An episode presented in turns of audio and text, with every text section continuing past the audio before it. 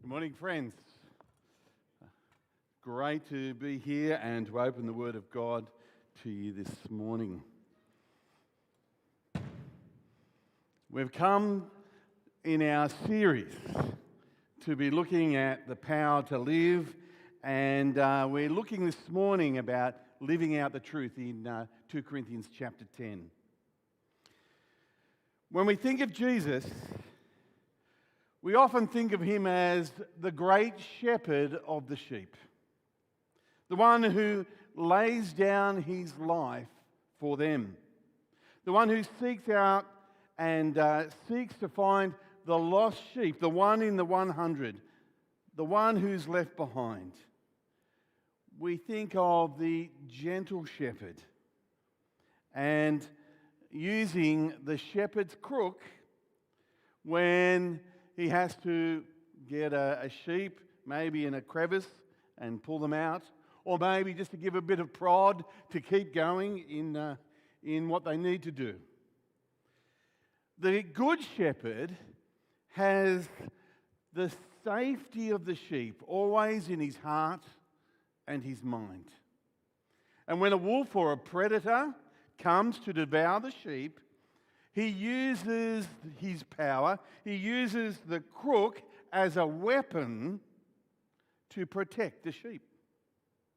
The crook is a symbol of the shepherd's love and protection and power. Jesus is the great shepherd of the sheep, us. And he has appointed leaders of the church to be under shepherds of the flock. And they are to take their calling seriously.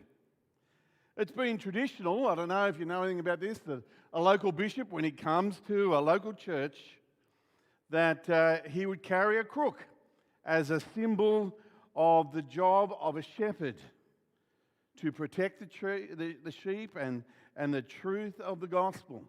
A great symbol.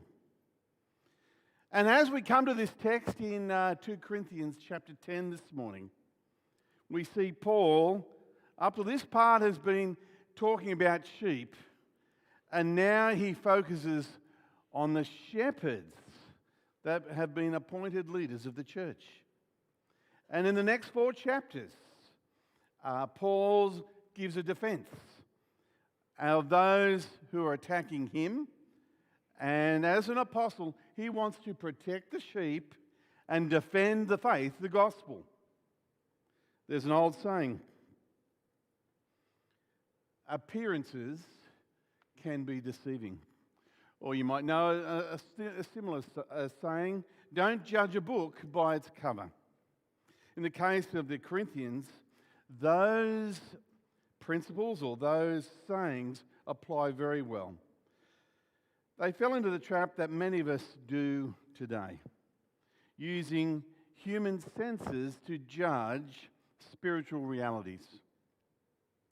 And the way of uh, thinking was led to a group of influential people who were wolves in sheep's clothing, or even false shepherds, who infiltrated the Corinthian church. And Paul sarcastically calls them super apostles. For they spread lies about the Apostle Paul and they injected their own poisonous doctrines into the fellowship. This was unwise and, uh, and lethal. And Paul cannot continue this, to allow this to happen. And there are some warnings over the next four chapters that should be a major wake up call to that church in Corinth. And Paul has to, to speak in a very personal way to his friends in the church in Corinth and bluntly directed to them. And the word that Paul uses of himself in, uh, in verse 1, Paul said, By the humility and gentleness of Christ, I appeal to you. This is the same language as a ruler would use his uh, authority and command, but using it in a nice and gentle way. He appeals by the gentleness and the graciousness of Jesus. Though Jesus had all the authority and he could say one word and it's done, but we know that Jesus came to seek and save the lost. He came to serve, we read in, two, in Philippians 2. And in, in uh, Matthew 11, Jesus said, I am gentle and humble of heart. It's with this, with this kind of gentleness that Paul, Paul appeals to these people in this church. Although Paul did have the authority to lay the law down and to declare what needed to be done, but good advice as well, though he had authority and the maturity over them, he chose to be gentle and kind. You can choose to be gentle and kind as well use humour, perhaps, that where appropriate, or diplomacy, or gentle correction, or persuasion, or, or making it clear that you love the person and as you correct them. Using harshness, I would have to say, is the last resort. The idea of acting one way in person and, and via letters uh, is a sore point as Paul addresses uh, the people in, in the chapter. It sort of reflect like some people write emails strongly, but when, they, when you see them in person, it's a whole different kettle of fish. Well, uh, they criticize Paul for this. And so in verse 1, we read, I, Paul, who am timid when face to face with you, but bold toward you when away. I think Paul is wise in taking this approach. He needs to address some serious issues, but perhaps realizes that the letter first would pave the way, would give some objectivity and make it clear in communication. And, and as they think about this topic and the, their lifestyle, they could reflect before Paul was to come. And you see, if he were to come and personally address some of these issues, it, uh, it would up the ante so he speaks first in a letter that they might take the first step and give them sort of breathing space to work out what they're doing and, and thinking. It's an easy corrective for the Corinthians before Paul arrives in person.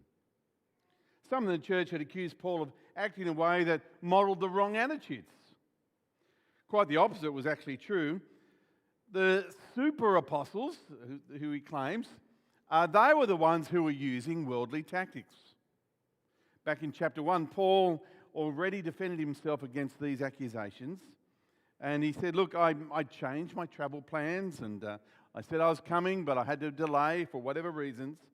But he's not coming, actually spared them a very difficult encounter with, um, with the people in, in Corinth. And, and what is Paul's approach? This is a, a well known verse, and as we walk through it, I want to set the context of it that you, uh, may not have thought before. We read in verse 3 of uh, 2 Corinthians 10, we see there on the screen. For though we live in the world, we do not wage war as the world does. The weapons we fight with are not the weapons of the world. On the contrary, they have divine power to demolish strongholds. Now, Paul is speaking sarcastically of the super apostles here. But we demolish arguments and every pretension that set itself up against the knowledge of God, and we take captive every thought to make it obedient to Christ. What are the two things described uh, as uh, he says here? The knowledge or knowing God, the first thing, and the second thing is obeying Christ. That is where our strength lies. And all these verses should uh, be taken in the context of the gospel, what we do. And not only that, our approach. Our approach. We, we like the idea of having power as Christians sometimes, where we can uh, wield against uh, the power, the world, the flesh, and the devil. And we sometimes we think, you know, we're more than conquerors, in, and we're told we are, but overstate it a bit. And, uh, but remember the strongholds we have. The enemy has taken captive the minds, their minds in, the, in, the, in regard to these super apostles and they've darkened them against the gospel message. That's what's happened here. We see this back in chapter 4 that the gospel is veiled to some people. So essentially, Paul is saying that these super apostles, they use tactics of this age to do God's supposed work.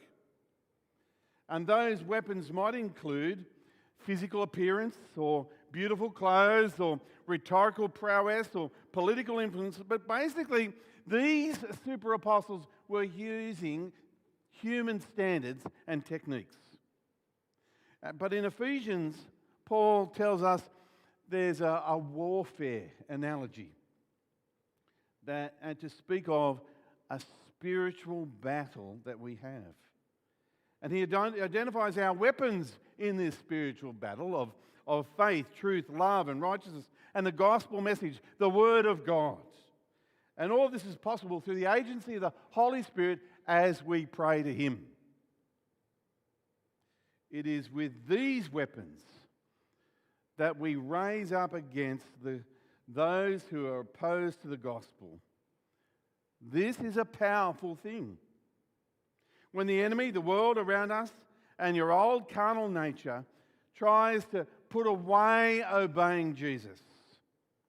We should take out the artillery of the gospel and pummel those thoughts into submission through faith, truth, love, and righteousness.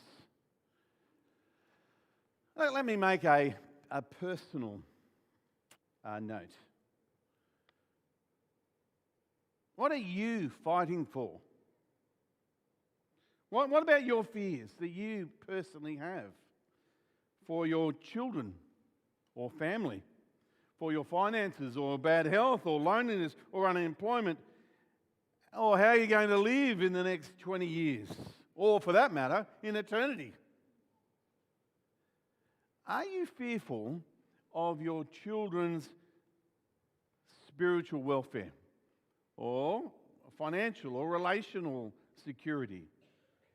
Are you using worldly ways to, to serve your children, but missing out on the long term security? We are often in our culture, aren't we? So big on sport and music and education. But sometimes we're so committed to those things, we can fail to teach our children about God in His Word or make every effort for our kids to come along to our children's ministry or youth ministry here on Friday nights? Do, do you want your kids to grow as Christians? Do you want them to marry loving Christians when they get older? And do you want them to bring up your grandkids who are Christians? They need to know two things. One, to know God, we're told here, and secondly, to be obedient to Christ. As a teenager, I made that decision. I mean, we make that, those sorts of decisions all along, but uh, I made the decision specifically of whether I would continue to be on the New South Wales volleyball team. And uh, either that, because it became so consuming for me, you know, the amount of time I traveled and, and, pra- and you know, practiced and games. For me, I'm not saying all athletes do this, but for me, it affected, you know, my time to serve and obedient to be obedient to Jesus. Now, there's nothing wrong with elite sportsmen, okay? But for me, sport got in the road of me serving the Lord. And it took huge chunks of my time every week as a teenager. So let me ask. We always want the best for our kids. Is swimming or is uh, soccer or baseball or basketball or music or holidays or dare I say getting the highest mark in the HSC? Are these are going to get in the way of our children knowing Jesus and being obedient to Him? I've known people in the churches that I've pastored over the years who've encouraged their teenagers to work at Macca's. Now, there's nothing wrong with working at Macca's as far as I know, but they were so wanting them to work at Macca's that it happened on Friday night when youth group was on, and it happened on Sunday night when youth church was on. And so, what would happen is, over a period of time, these kids or teenagers were disconnected. And they, in time, walked away from Jesus. Now, we want our kids to have good work experience and earn a bit of money, of course. But where do we put it in our priorities? And although the many Corinthians had repented, we know in, uh, in chapter 7 of their disobedience, there's some in that church who remained in rebellion. And these people, Paul is going to confront when he comes pers- you know, face to face with them. And just because these false teachers look good and impressive outwardly, they say they belong to Christ. But they didn't reflect Christ at all. They, uh, they saw Paul what he did and wanted to piggyback on what he did and take away what he did. They might claim to be apostles, but that, doesn't, that claim doesn't mean you are. They also levelled accusations against Paul that uh, distracted from the real issue. And we're told here that these people who criticised Paul were agents of Satan and not emissaries of God. And Paul is going to spend the next couple of chapters, at least, giving the Corinthians his credentials, and um, that cannot be disputed.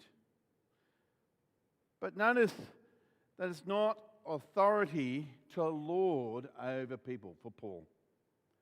For him, his authority is to build up the people of God, the believers. In Luke 22, Jesus explained that the worldly types of authority have no place in the kingdom of God. But rather, a servant leadership is the character of God and of God's people.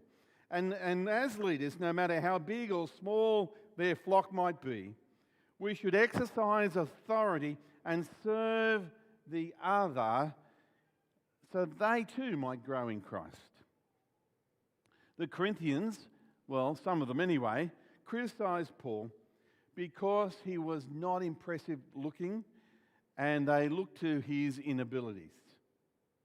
The kind of cover of the book and not doing the job by leveling it, you know, you know, he mustn't be of much. Actually, I went to a, a birthday party yesterday and I had a wake up call, and you know, when you want to catch up with a whole pile of people you haven't seen for a while, and there was a disheveled guy there. And I immediately in my head, oh, I won't talk to him. Isn't that a worldly way of thinking? Or oh, I'll talk to these nice people that make me feel good or whatever, but I won't talk to this guy. We do it. And, and Paul then warns them that uh, though his speech and appearance might be weak, his actions would not be unless they'll be set right. This disheveled guy was a missionary in the Philippines, by the way. So I want to say he was a godly man. And we, we, we um, humans often fall in the trap of what looks good is good. And we find our worth based on the relative place we might have in the pecking order. If I'm more impressed or talented than you, then I'm better off. If I've got um, a better HSC or degrees, then I must be better than you. Or this is what the Corinthian church was looking at when they came to the false teachers. A, a slick presentation on the outside meant goodness on the inside. And since Paul was unimpressive on the outside, then inside, Paul is saying, Look, you don't really understand the nature of the kingdom of God. Paul said in 1 Corinthians 4, the nature of a true apostle or, or a Christian pastor, he says this This then is how you ought to regard us as servants of Christ and those entrusted with the mysteries of God has revealed. Now it is required of those who have been given a trust must prove faithful. And as believers, I just want to say our record is based on whether, not how good we are or how well we have performed, but are we faithful to God's word and call upon our God to help us? And that's what Paul relies on for his defense to the Corinthians. Paul is telling the Corinthians that it's really it is God who assigned him to go to Macedonia and Achaia to preach. He, he was the first there to come. And they owed, as the, the church in Corinth, they owed greatly to Paul in bringing the gospel to them. He was their spiritual father. And as, as such, he had authority over those people in congregation. But Paul was not about to go into areas um, of Asia Minor that had already the gospel had been. Unlike the false prophets or the, the, uh, the false apostles, they went where the gospel had already gone. But the Corinthians, you know, should, have, should be mature in faith, just like Paul, and should, should see, well, what is, what is the, the next step? What is the, the most mature thing to do? What, how can I make, you know, the good news of Jesus go out further to the unreached world? Well, how do we reach the most for God? How, what, what, what is it that we need to be doing? The quotation in, uh, in verse 17 says, Let the one who boasts boast in the Lord. That comes from Jeremiah 9. So, whatever we do, you might be really good at, um, you know, technology or singing or music or hospitality. I don't know what at. You might be, you know, smart. You might be clever with your hands. I don't know. But Paul's saying, stop the comparison games. Paul says, because the only thing that matters is what the Lord has called us to do and done through us. That's the only thing that matters. Recently, as in a couple of weeks ago, the uh, Anglican Church of Australia, not Sydney, had a synod or, or a parliament, a meeting. And there was a slim majority of bishops who voted against having the Bible, the 39 Articles, and the creeds as our foundation of faith and unity in Christ. I want to just say that is appalling. That is awful. And it was driven by people who should have known better the bishops, the ones who were the shepherds. They were dragging people away from Jesus. And all, in all likelihood, these apostate bishops will cause a break in the Anglican Church here in Australia. And in time, maybe in a few years' time, there'll be two denominations emerging from that because they have strayed from the faith. But in the meantime, friends, we should be gently urging those bishops who might have the appearance of great leaders. We should be calling on them quietly and gently to repent. But if they don't repent, we should say, Could you please leave your role in the leadership of the church? Because they have strayed from the true faith in Christ. But our leaders here in, in our church at Life Anglican, they're, they're a godly lot, I, I, would have to say. I, I'm, I have a lot to do with them, as you know. And uh, they are people who have Christ in the center of their life. They want to know Jesus, they want to obey him, and they serve well here in this church, let me say. And they want to gently encourage you to follow Him and serve Him in whatever way you can. They want to be calling the lost to Jesus and those who have wandered away, gently calling them back to Christ. That is the model of leadership. That is a model we have of influence. Let's pray. Heavenly Father, we've seen this morning that the way we are to live and lead is different from the world. And we are to serve and uh, humble ourselves like Jesus did among us. Lord, there are times when we struggle with the world's way of thinking, especially if we're backed in a corner. Help us to be impressed with what you have shown us and not the ways of the world. And we ask that by your Holy Spirit, you would help us to, to use the, the gospel as a means of following you and extending your kingdom. And Lord, this morning we thank you for Paul and the marvelous truths that this letter has brought us. And help us to model our lives off the things that we've learnt. And we all ask this in Jesus' name. Amen.